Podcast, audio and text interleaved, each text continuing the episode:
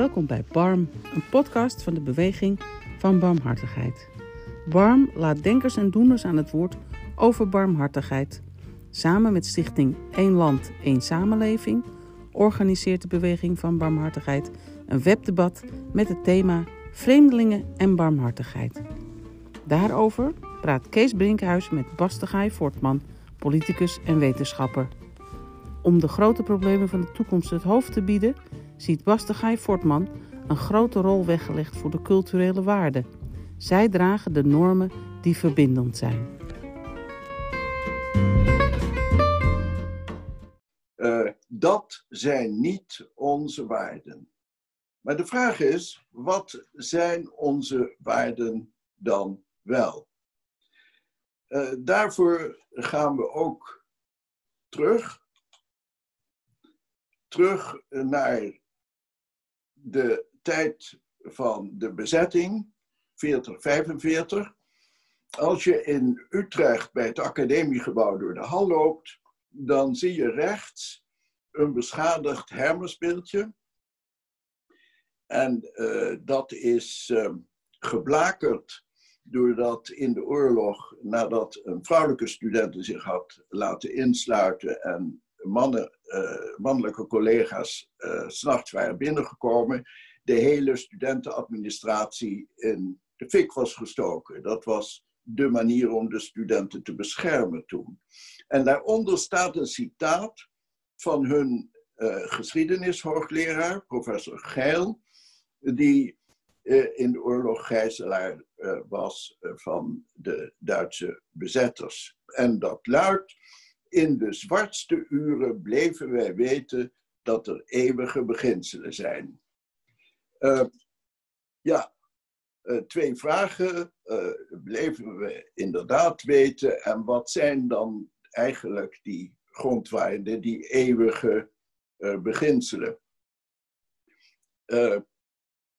in diezelfde oorlog stond al in de grondwet dat allen in Nederland gelijk worden behandeld. En dat elke Nederlander ook benoembaar is in elk politiek ambt. En niettemin werd na enkele maanden al door vrijwel de hele, hele ambtelijke dienst en uh, het hele onderwijs de Ariër-verklaring getekend. Een verklaring uh, dat jouw vier uh, grootouders niet Jood zijn, maar wat de nazi's noemden uh, Ariër. Geen daad van verzet, maar een daad van collaboratie. Dus de vraag is of we uh, inderdaad bleven weten wat de beginselen zijn die toen al in de grondwet stonden. Uh, in artikel 1, allen die zich in Nederland bevinden, worden in gelijke gevallen gelijk behandeld. Dat staat er al in sinds de Bataafse staatsregeling van 1798. En bij de grote grondwetsherziening van uh, 83 is in reactie op wat ons overkwam tijdens de oorlog en de, het meewerken en onvoldoende verzet bieden tegen het nazisme, het discriminatieverbod daarbij gekomen. Niemand kan worden gediscrimineerd. Eh, intussen was er al internationaal gereageerd op de oorlog en uh, de ideologie van het racisme. Met artikel 1 van de Universele Verklaring van de Rechten van de Mens. Allen vrijgeboren en gelijk in waardigheid en rechten. Begiftigd met verstand en geweten en behoren zich in een geest van solidariteit jegens elkaar te gedragen. Dat zijn de fundamentele grondwaarden. Uh, natuurlijk is ook het respect voor de natuur een fundamentele grondwaarde, maar vandaag gaat het vooral over dat artikel 1 van de grondwet.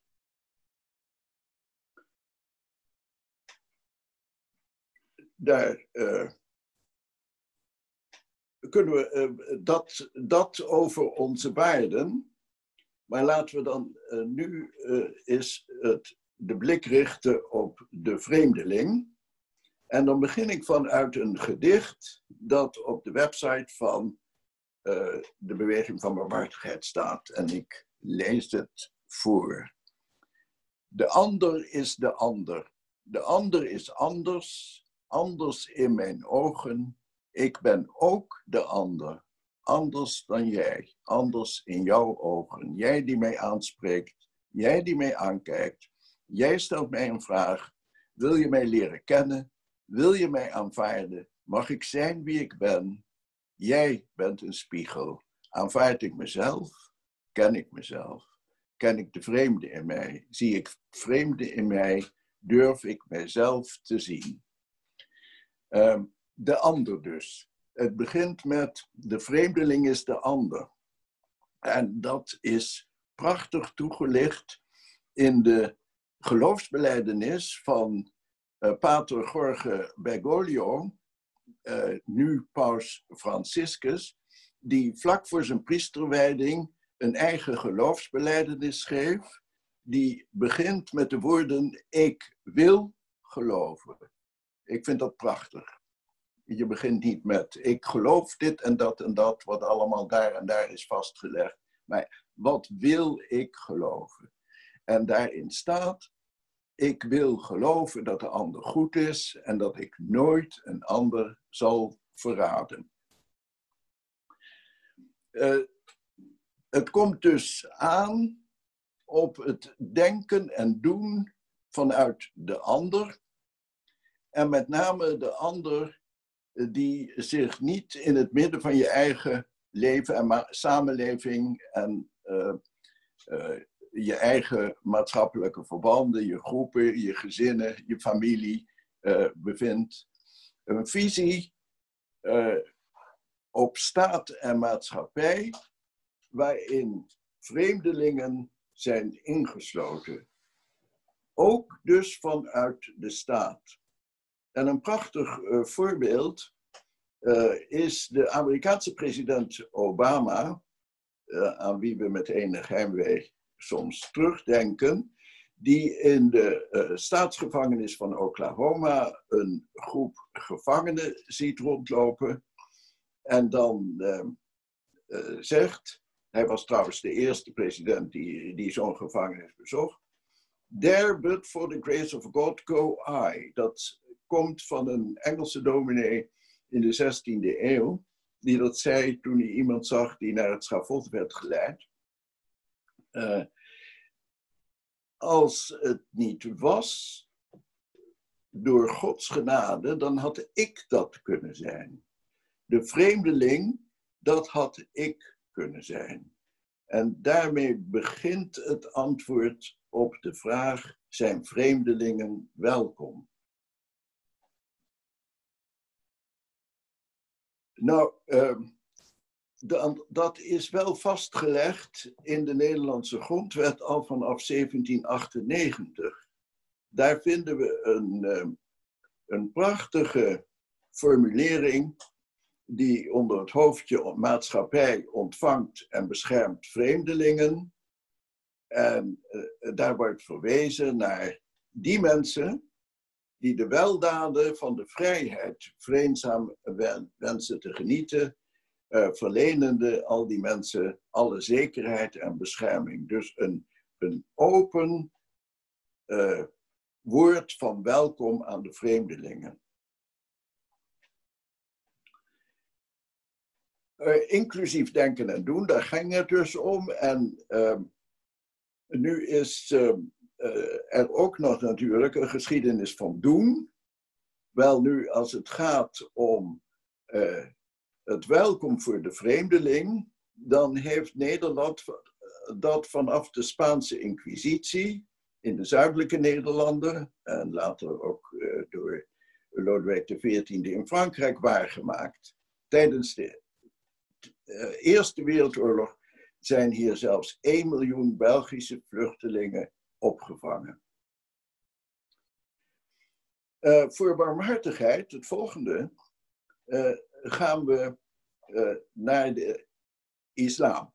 Eén land, één samenleving is opgericht in 2006 vanuit oud-politieke leiders. En daaronder bevond zich ook Mohammed Rama. de twee hoofdoprichters waren Hans Dijkstal van de VVD en Mohammed Rabba van GroenLinks. in het van, daarom gaan we nu vandaag naar Ali B. eerst nog even Mohammed Rabba. We denken aan hem vandaag. Uh,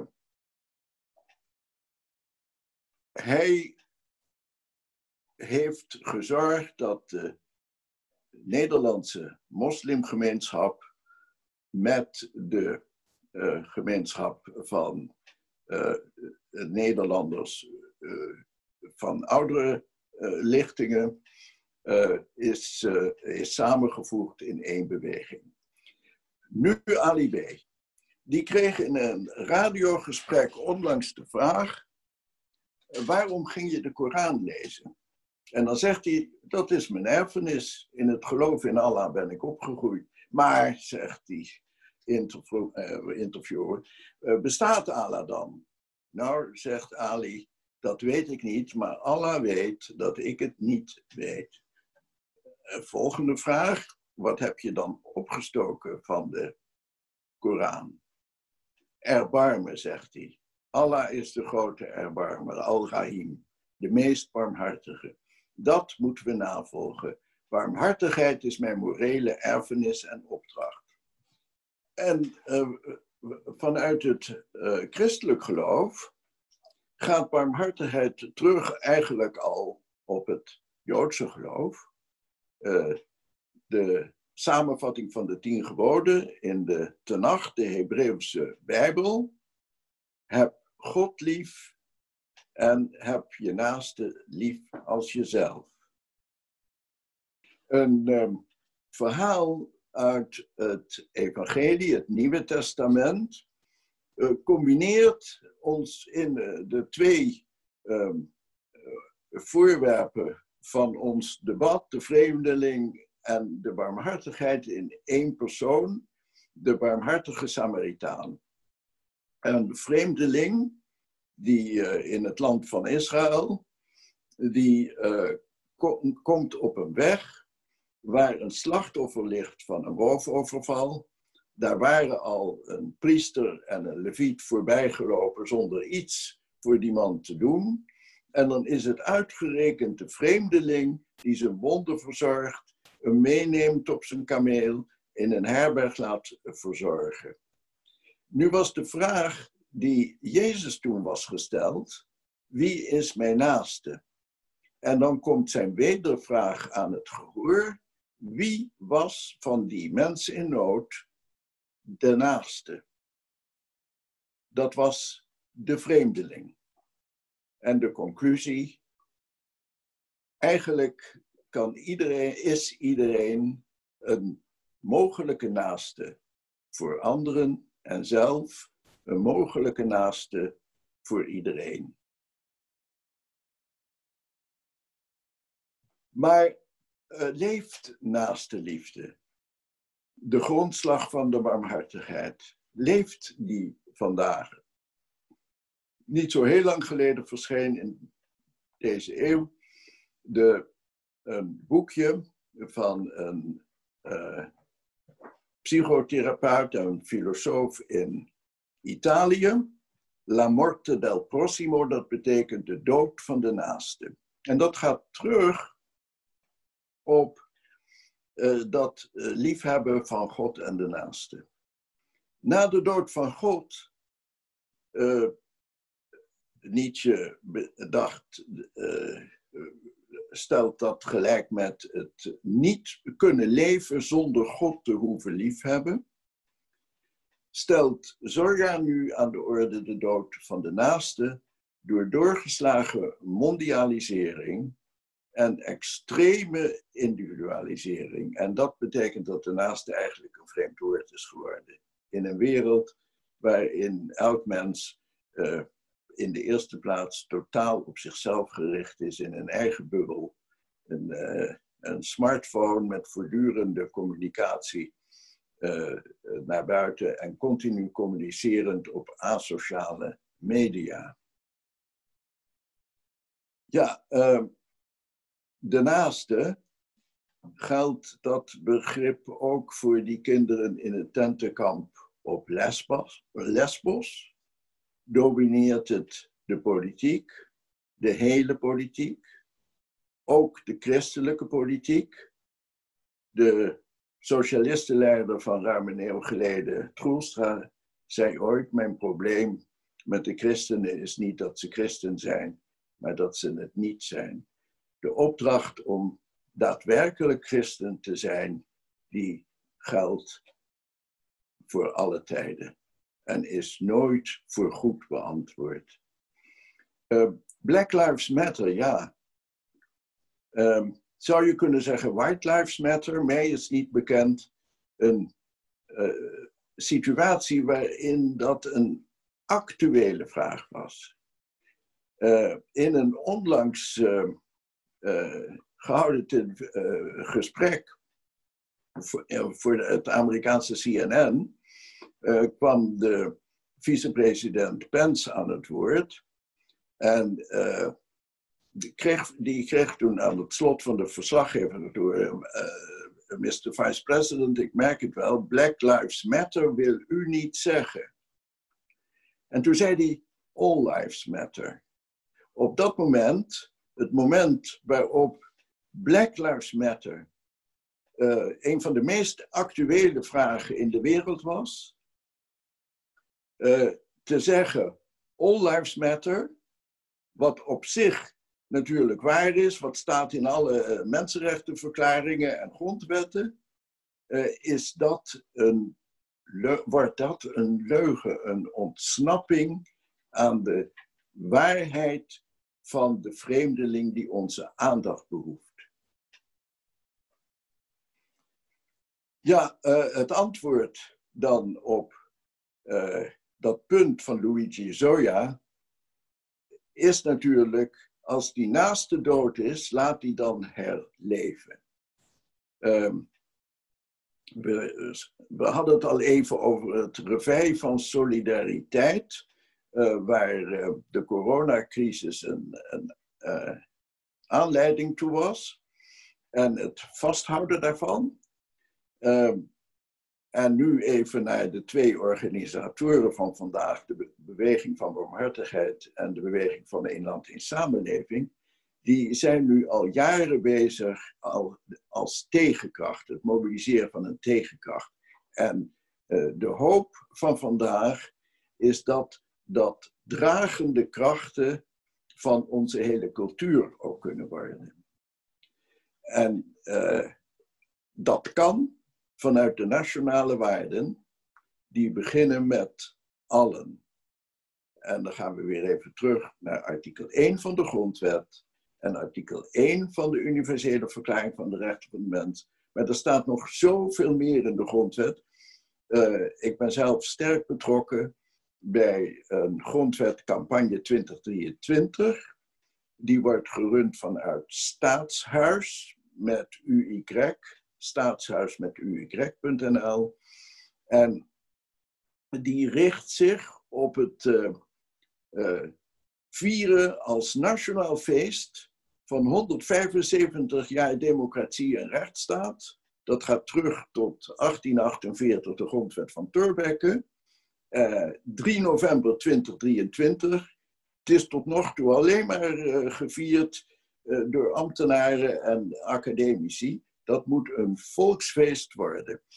Uh, en dan gaat het om de hele grondwet, ook de zorgplichten van de overheid. Eén daarvan is dat hij de voorwaarden schept voor maatschappelijke en culturele ontplooiing. En als de coronacrisis ons nog iets geleerd heeft, dan is het de noodzaak van culturele ontplooiing. En daar eindigen we dan ook mee. Met, uh, met een lied het lied van Telau.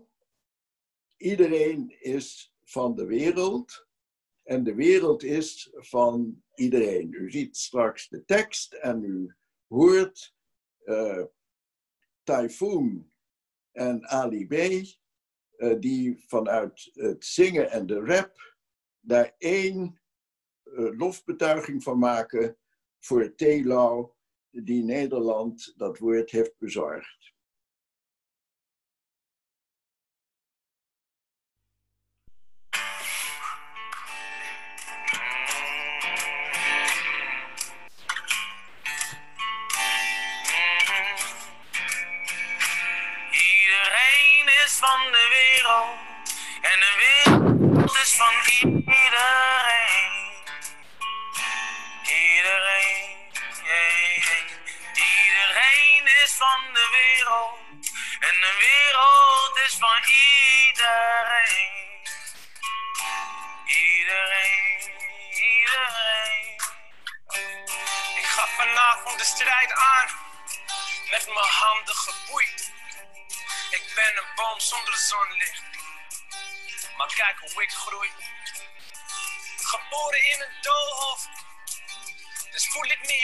Ik hoor een stem in mijn hoofd zeggen: Ah, als je bent verdwaald, ben je op het juiste spoor.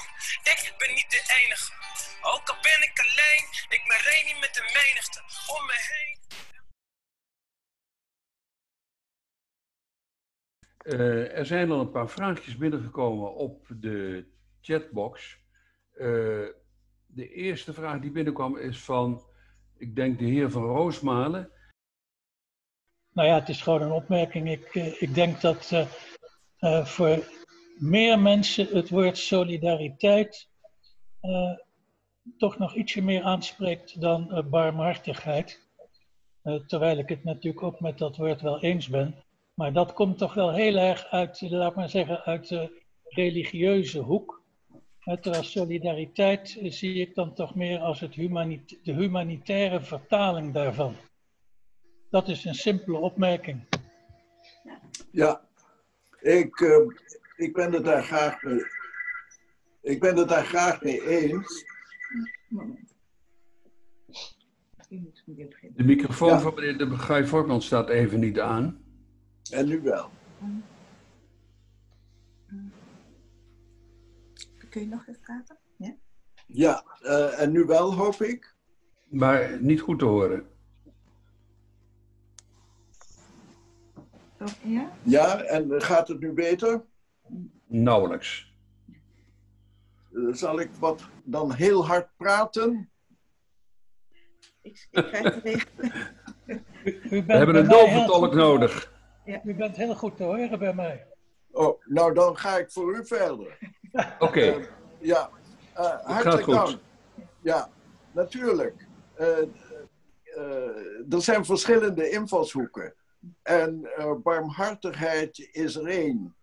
Maar barmhartigheid staat nooit los van gerechtigheid.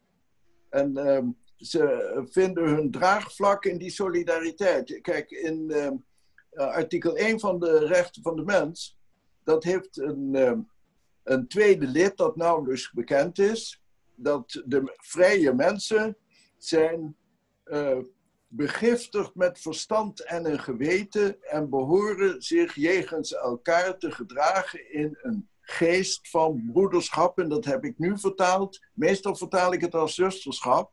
Nu heb ik het vertaald als solidariteit. Dus dat is inderdaad wat in de wereld, als het gaat om de staat, een woord als barmhartigheid, dat vind je niet gauw terug in een grondwet. Maar solidariteit wel. Een van de grondwetten die dat het meest duidelijk heeft geformuleerd, expliciet, is de grondwet van Zuid-Afrika. Maar de Nederlandse grondwet, die heeft met het woord allen en de zorgplichten de bescherming van de grondrechten van de burger en de zorgplichten van de overheid voor milieu, voor de bewoonbaarheid van het land, uh, voor de volkshuisvesting, voor de cultuur, voor het onderwijs. De grondwet spreekt van deugdelijk onderwijs, heeft hij dat verbonden. Dus hartelijk dank voor deze aanvulling. Willemijn de Gaai Voortman, Hey. Een kleindochter.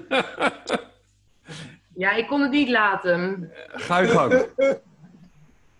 Ehm, ja, ik was dus benieuwd, want ik kom steeds meer mensen tegen die heel anders over bepaalde dingen denken dan ik. Dat kan corona zijn, migratie, al die grote vraagstukken die nu spelen. Ehm, en dan merk je dat je elkaars waarden, of tenminste dat idee heb ik, dat die niet goed op elkaar afgestemd zijn. Of dat je het niet, eh, ja, niet uit dezelfde hoek zoekt. Eh, dus mijn vraag was inderdaad van wat doe je Ehm, als, er, ja, als je toch ehm, ja, in, ge- in gesprek bent met mensen en je merkt dat die ehm, mensen die waarden waar we het net over, of waar jij het net over had, ehm, die ontkennen. Dus Ja. ja, dat die niet bestaan, ondanks dat ze neergelegd zijn in wetteksten, ehm, ja, verdragen. Opa, heeft u daar een goed antwoord op? Jawel, dat hoop ik. Eh, want eh, kijk, het belang- een heel belangrijk verschil is er tussen cultuur en waarde. Cultuur is eh, waar wij ons eh, zelf mee verbinden, wat, wat beweegt ons in het leven en met welke mensen voelen we ons verbonden en wat zijn de gewoonten en gebruiken. En je merkt vaak dat de kritiek op evidente nationale waarden komt vanuit, ja, het gaat eigenlijk om cultuur.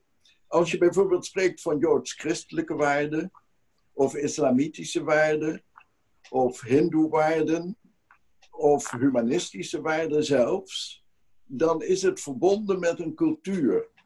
En eh, een, een, dan gaat het meer om eh, religie. En eh, in de nationale waarden gaan we uit wat de staat draagt. De waarden die de Nederlandse staat dragen en die voor de Nederlandse burger ook bepalend zijn. Die het burgerschap in Nederland bepalen. Kijk, cultuur verandert eh, soms eh, heel vaak. Hè? Ehm, in, in een Nederlands dorp waarvan ik de naam niet zal noemen, was de gewoonte om een overspelig echtpaar op een mestkar door het dorp eh, te rijden. Eh, dat is 40 jaar geleden afgeschaft, dat gebruik. Dat is er niet meer. Ehm, eh, vrouwenbesnijdenis is in bepaalde landen een onderdeel van de cultuur en we vechten hard om daar een end aan te maken. Eh, dus waarden zijn bepalend. En cultuur, eh, dat kan heel mooi zijn, maar dat kan ook heel lelijk zijn. Maar we hebben, eh, eh, het is niet nodig in dit land onze waarden te veranderen. Dat was het voor Duitsland na de Tweede Wereldoorlog. Toen was het de cultuur was een, een valse cultuur, was daar doorgedrongen tot de nationale waarden. En dat moest veranderd worden. En artikel 1 van de Duitse grondwet luidt nu: Die Würde des Menschen ist onaantastbaar. Dat bord van hun artikel 1 hangt in elk museum, buiten of binnen, in elk gemeentekantoor, bij elke politieke partij, op de websites van de leden van de Bundestag. Dat is wat nu leeft en daardoor ook de cultuur gaat bepalen. Dus dat de waarden de cultuur bepalen, dat is eh, de weg. En niet het omgekeerde, een cultuur heilig verklaren en stellen boven de waarden. Eh, mag ik er nog een vraag aan toevoegen, eh, die ik bij de voorbereiding bij een paar mensen die keer hoorde. Eh, veel mensen kunnen zich wel voorstellen dat barmhartigheid en vreemdelingen iets te maken heeft als het gaat om vluchtelingen of bijvoorbeeld die 500 kinderen die van Lesbos hierheen zouden moeten komen. Maar barmhartigheid en racisme, dat, dat vindt men over het algemeen lastig. Heb je daar een verklaring voor? Nou, dat vind ik wel een. eh, eh, kijk, het is, eh, het is steeds de vraag welke invalshoek kies je. En eh, het begint natuurlijk bij de staat. eh, eh, begint het niet bij barmhartigheid. Barmhartigheid is een deugd. En de deugden zijn hard nodig. En niet alleen de burgerlijke deugden, maar ook de deugden ja, dus dat zijn de deugden die gelden tegenover de staat, zoals rechtvaardigheid. Solidariteit hoort daar trouwens ook bij. Uh, en, uh, en barmhartigheid is, is een mentaliteit, is een gezindheid die een mens zich moet eigen maken. En voor barmhartigheid vind ik fundamenteel die vraag van uh, uh, Obama, als het gaat om, om, om niet alleen stakkers, maar zelfs misdadigers, inclusief denken, inclusief doen. Wie, wie zou ik geweest zijn als ik zo was opgevoed? Als ik dit allemaal had moeten meemaken. dus Barmhartigheid is inclusiviteit. Dank u wel. En solidariteit is samen. Solidariteit vat je het beste samen met allen voor één, één voor allen. Uh, meneer Van Roosmalen, die was net al even met een vraag. Misschien kan die terugkomen. Die vroeg zich ook af of we vanuit uh, een beweging van barmhartigheid, uh, één land, uh, één samenleving, iets zouden moeten zeggen over de 500 kinderen die maar niet van Lesbos wegkomen daar. Meneer Van Roosmalen, meneer Van Roosmalen mag even zijn vraag toelichten en dan nou ja, komt u met het antwoord. Ik denk eerlijk gezegd dat het niet zo heel veel toelichting behoeft. als we, kijk, we praten zoveel en we zijn nu ook aan het praten. En uh, wij kunnen die kinderen natuurlijk niet gaan ophalen, maar we kunnen, ik, het zou mooi zijn als vanuit deze bewegingen ook, misschien is dat gedaan, dat weet ik natuurlijk niet, maar als daar ook actief voor wordt opgeroepen. Helaas woont de staatssecretaris hier in mijn achtertuin. En uh, ja, die is een beetje dom geweest om dit baantje aan te nemen, maar anders was er wel een ander geweest. En, en ik zou zeggen van, uh, doe er wat aan. En ik denk dat meneer de Guy Furtman daar nog wel meer aan kan doen dan wij. Hoewel er ook al een aantal gelijksoortige, ja wat zal ik zeggen, mastodonten uh, dat gedaan hebben. Maar ik denk vanuit deze beweging zou dat wat mij betreft in ieder geval een goed idee zijn. Nou, ik denk dat het goed zou zijn als een land en samenleving en de beweging van warmhartigheid dit webdebat voortzetten in een gezamenlijk appel dat uh, uh, liefst door heel Nederland ondertekend wordt. Dus een hele simpele formulering waarbij je met één klik uh, de Nederlandse burgerij kan mobiliseren. Want de politiek die dit thans tegenhoudt, die baseert zich op politiekerige redeneringen. terwijl de uitdaging is om te beginnen vanuit je waarden het eerste punt is wat hier gebeurd is met die kinderen was onaanvaardbaar. En dat dat doorgaat blijft onaanvaardbaar. En nu is er een Europese Unie die uh, zich verplicht voelt om voor de kinderen op Lesbos een tehuis te vinden. En dan zegt Nederland, uh, ga daar maar eens aan werken in de regio. Nou, hun regio is verschrikkelijk op dit moment. Nou, dat denk ik dus ook. En dat iedereen die zich uh, laat afkopen door te zeggen van uh, opvangen in de regio. Ik denk dat iedereen die landen kent waar we hier over praten, weet dat dat, ja, dat, dat eigenlijk heel een, een buitengewoon onbeschaafde uh, reactie is. Tegelijkertijd wil ik ook nog wel even de 30 moeders met hun 90 kinderen in Noord-Irak hierbij betrekken. Dit gaat over zulke kleine aandelen.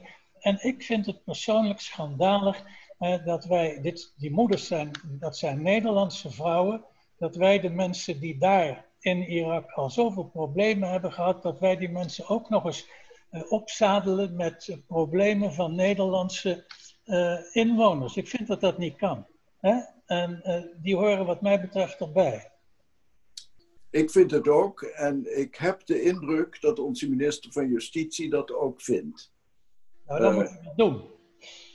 Nou, hij moet dan een paar anderen zien mee te trekken. Ja, Laten we hem daarin onze steun betuigen. Ja, ja. Wat vindt u dan van het standpunt van het eh, CDA dat eh, nu weer rond die verkiezingen van de partijleider be- eh, benadrukt dat de opvang daar in de regio moet plaatsvinden? Schandalig. En nou meneer de Gaai Voortman, die zegt hetzelfde. Eh, eh, eh, ja, daar, eh, dan gaan we weer Troelstra eh, citeren. De uitdaging voor de christenen is om christen te zijn. En dat woordje ja waar u mee begon, dat slaat ook op het woord schandalig. Eh, ik vind het ook eh, een, een- een totaal onacceptabele eh, houding vanuit het Nederlanderschap zelf. Dus een partij die voortdurend spreekt over onze waarden en die eh, bij, bij de vier hoofdbeginselen van het CDA hoort solidariteit en hoort gerechtigheid. Dus herinner het CDA aan de eigen beginselen. Dan hoeven we nog niet eens naar de grondwet. Ja. In de zaal wou ik zeggen, maar in ieder geval op het net zit ook eh, Ton Lievaart, die eh, benadrukt dat de stichting Handvest voor Compassie eh, graag aansluit bij het appel met betrekking tot die 500 kinderen, maar die wil het misschien even toelichten. Meneer Lievaart. Eh, ik ben secretaris van het bestuur van het Handvest voor Compassie en wij hebben enige tijd geleden een uitgebreide brief gestuurd naar het kabinet met een oproep om ehm, de 500 kinderen naar Nederland te laten komen. We hebben daar een uitgebreid antwoord op gehad, maar het was eigenlijk een soort toelichting op het stuk dat naar de Tweede Kamer werd gestuurd, waarin dat eh, onzalige plan werd gelanceerd om de zaken in Griekenland eh, op te lossen. Dus wij zijn nog niet zo'n stapje verder gekomen, maar het kan helpen als we met meerdere organisaties dit appel doen. Dus ik zou eh, graag willen aansluiten door te zeggen dat de stichting graag dan meedoet met de beweging voor barmhartigheid en één land, één samenleving. We na, deze, na deze meeting zullen we dat even contact met elkaar opnemen en kijken wat we kunnen doen. Oké, Dank u wel.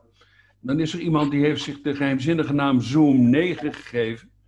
Eh, die benadrukt dat, eh, dat er geprofiteerd kan worden van de crisis die heerst. Maar die wil het misschien zelf even toelichten. Meneer of Ja, die geheimzinnige naam die heb ik, eh, die heb ik ondertussen veranderd. Mijn naam is Wilfried Grades. Ik ben bestuurslid van de Beweging van Bemachtigheid. En eh, ja, ik vraag me af inderdaad of er een relatie is, of ik ben op zoek naar de relatie tussen eh, ja, de huidige crisis, of crisis in zijn algemeenheid, en ehm, zeg maar de beleving en het belang van ehm, waarden en normen, solidariteit, barmhartigheid. Eh, dus je ziet nu inderdaad het debat over eh, racisme opvlammen. En de vraag is natuurlijk eh, van, zou dat ook, dat debat er zijn geweest als we niet eh, de coronacrisis hadden gehad? Dank u wel. Wilt u daar iets op zeggen, meneer de Voortman?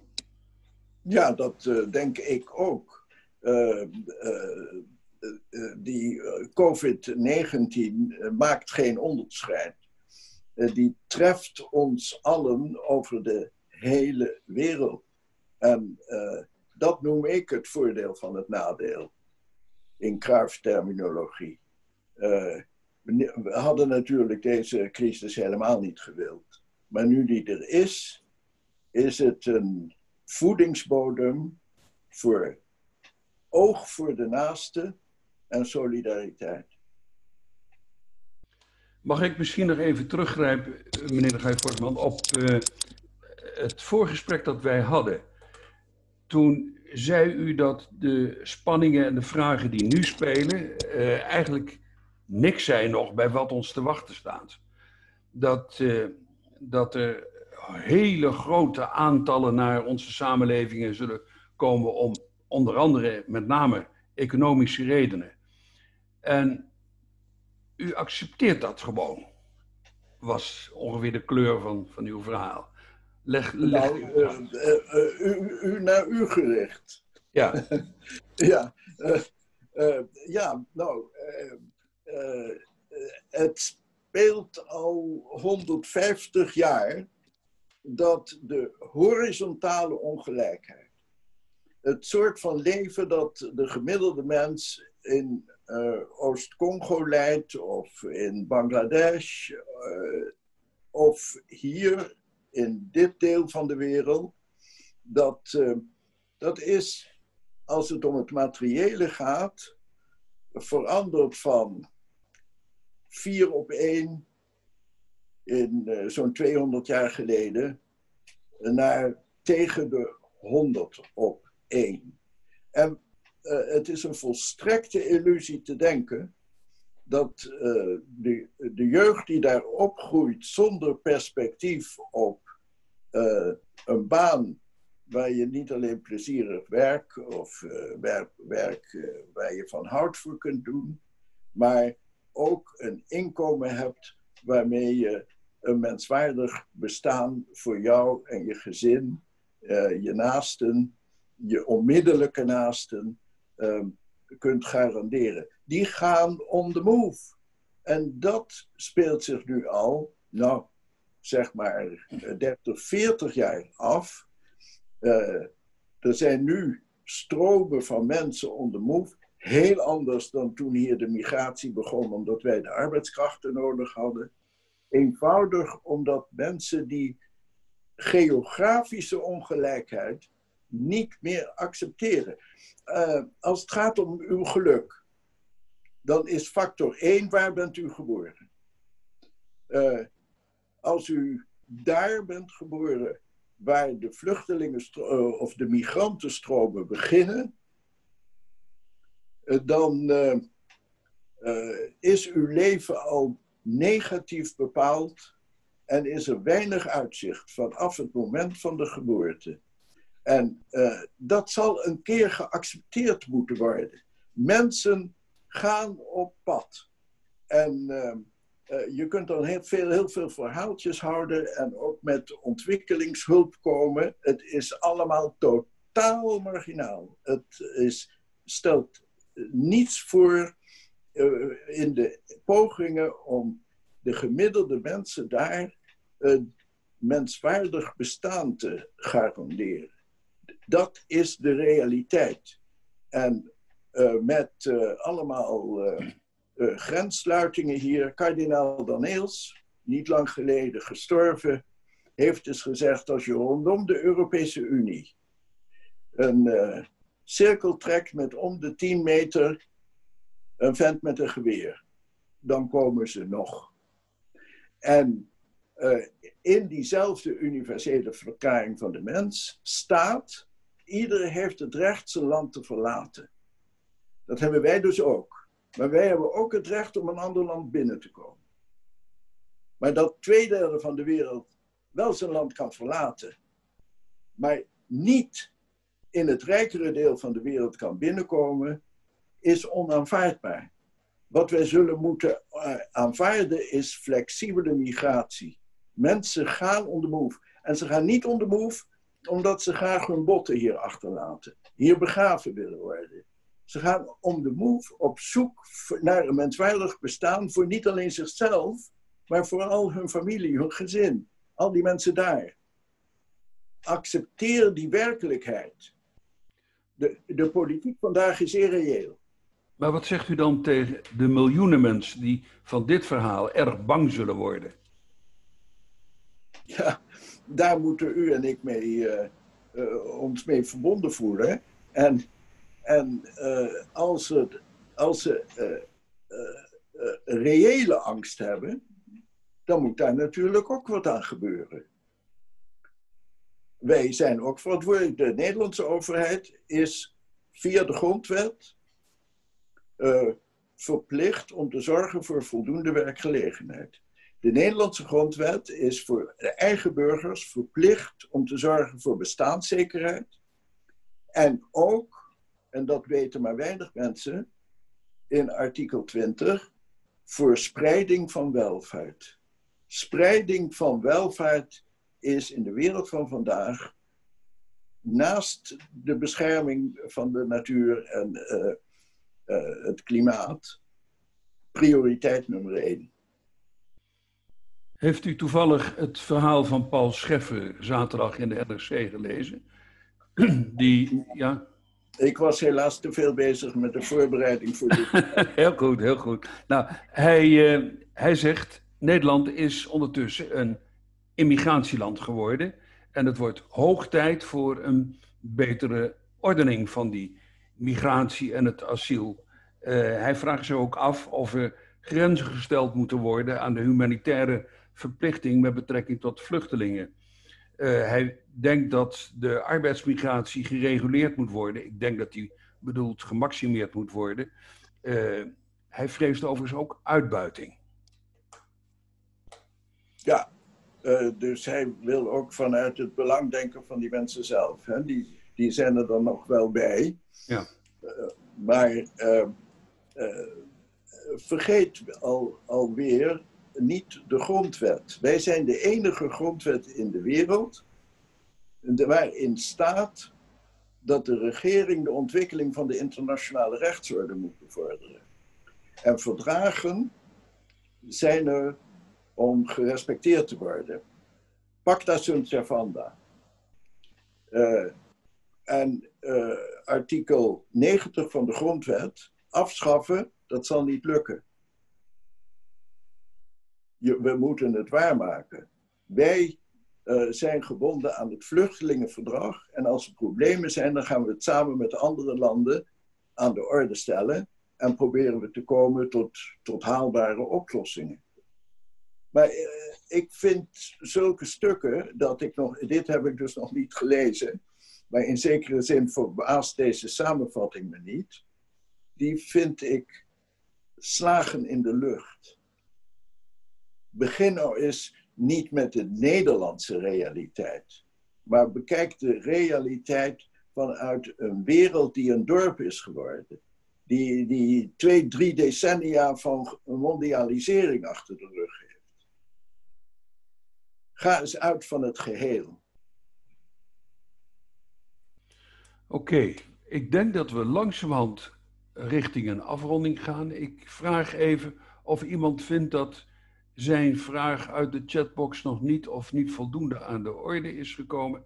Als iemand dat vindt, dan zet hij nu zijn microfoon over en meldt hij zich. En toen viel er een stilte van heb ik jou daar. Ik denk dat iedereen tevreden is, meneer de Gaai Voortman. Uh, even kijken, als ik aan u zou vragen u mag nu op het eind een, uh, ja, uh, een soort appel doen vanuit deze discussie. Uh, wat, wat voor appel zou u dan willen doen? Nou, dat is eigenlijk een herhaling. leef en denk vanuit de prachtige waarden die door de eeuwen heen in Nederland zijn vastgelegd in grondwettelijke normen. En zoek niet steeds naar waarden die jou van pas komen. Sommige van die waarden betekenen dat jij moet veranderen. En als het erom gaat wat en voor wie, laat je dan maar leiden door barmhartigheid. Die ander. Oké. Mag ik u bedanken? Het zit erop. Uh, tegen de deelnemers, maar ook aan u, zeg ik dat uh, iedereen binnen een paar dagen een mooi verslag van deze discussie krijgt. Ook met de samenvatting van het verhaal van de heer de Gaai Voortman. Uh, voor de deelnemers vragen we er overigens wel iets voor terug. laat ons dus weten wat u van, afgezien van de kleine technische storingen, van zo'n debat via het web vindt. Want als het goed bevalt, zouden we kunnen overwegen om het wat vaker te gaan toepassen. Maar geef eens uw, uh, uw mening, we horen het graag. Meneer de Gij Fortman, voor u is er een, uh, een bloemetje. Dat wordt morgen vers bij u aan de deur uh, bezorgd. Nu is het alleen nog maar een, een digitaal boeket. Mag ik u heel hartelijk bedanken voor uw inspirerende verhaal. Dat is het bloemetje. namens de Beweging van Barmhartigheid en namens één land één samenleving, uw organisatie mede. Uh, heel veel dank voor uw uh, bijdrage en voor iedereen, wie weet, tot ziens. Dank u wel.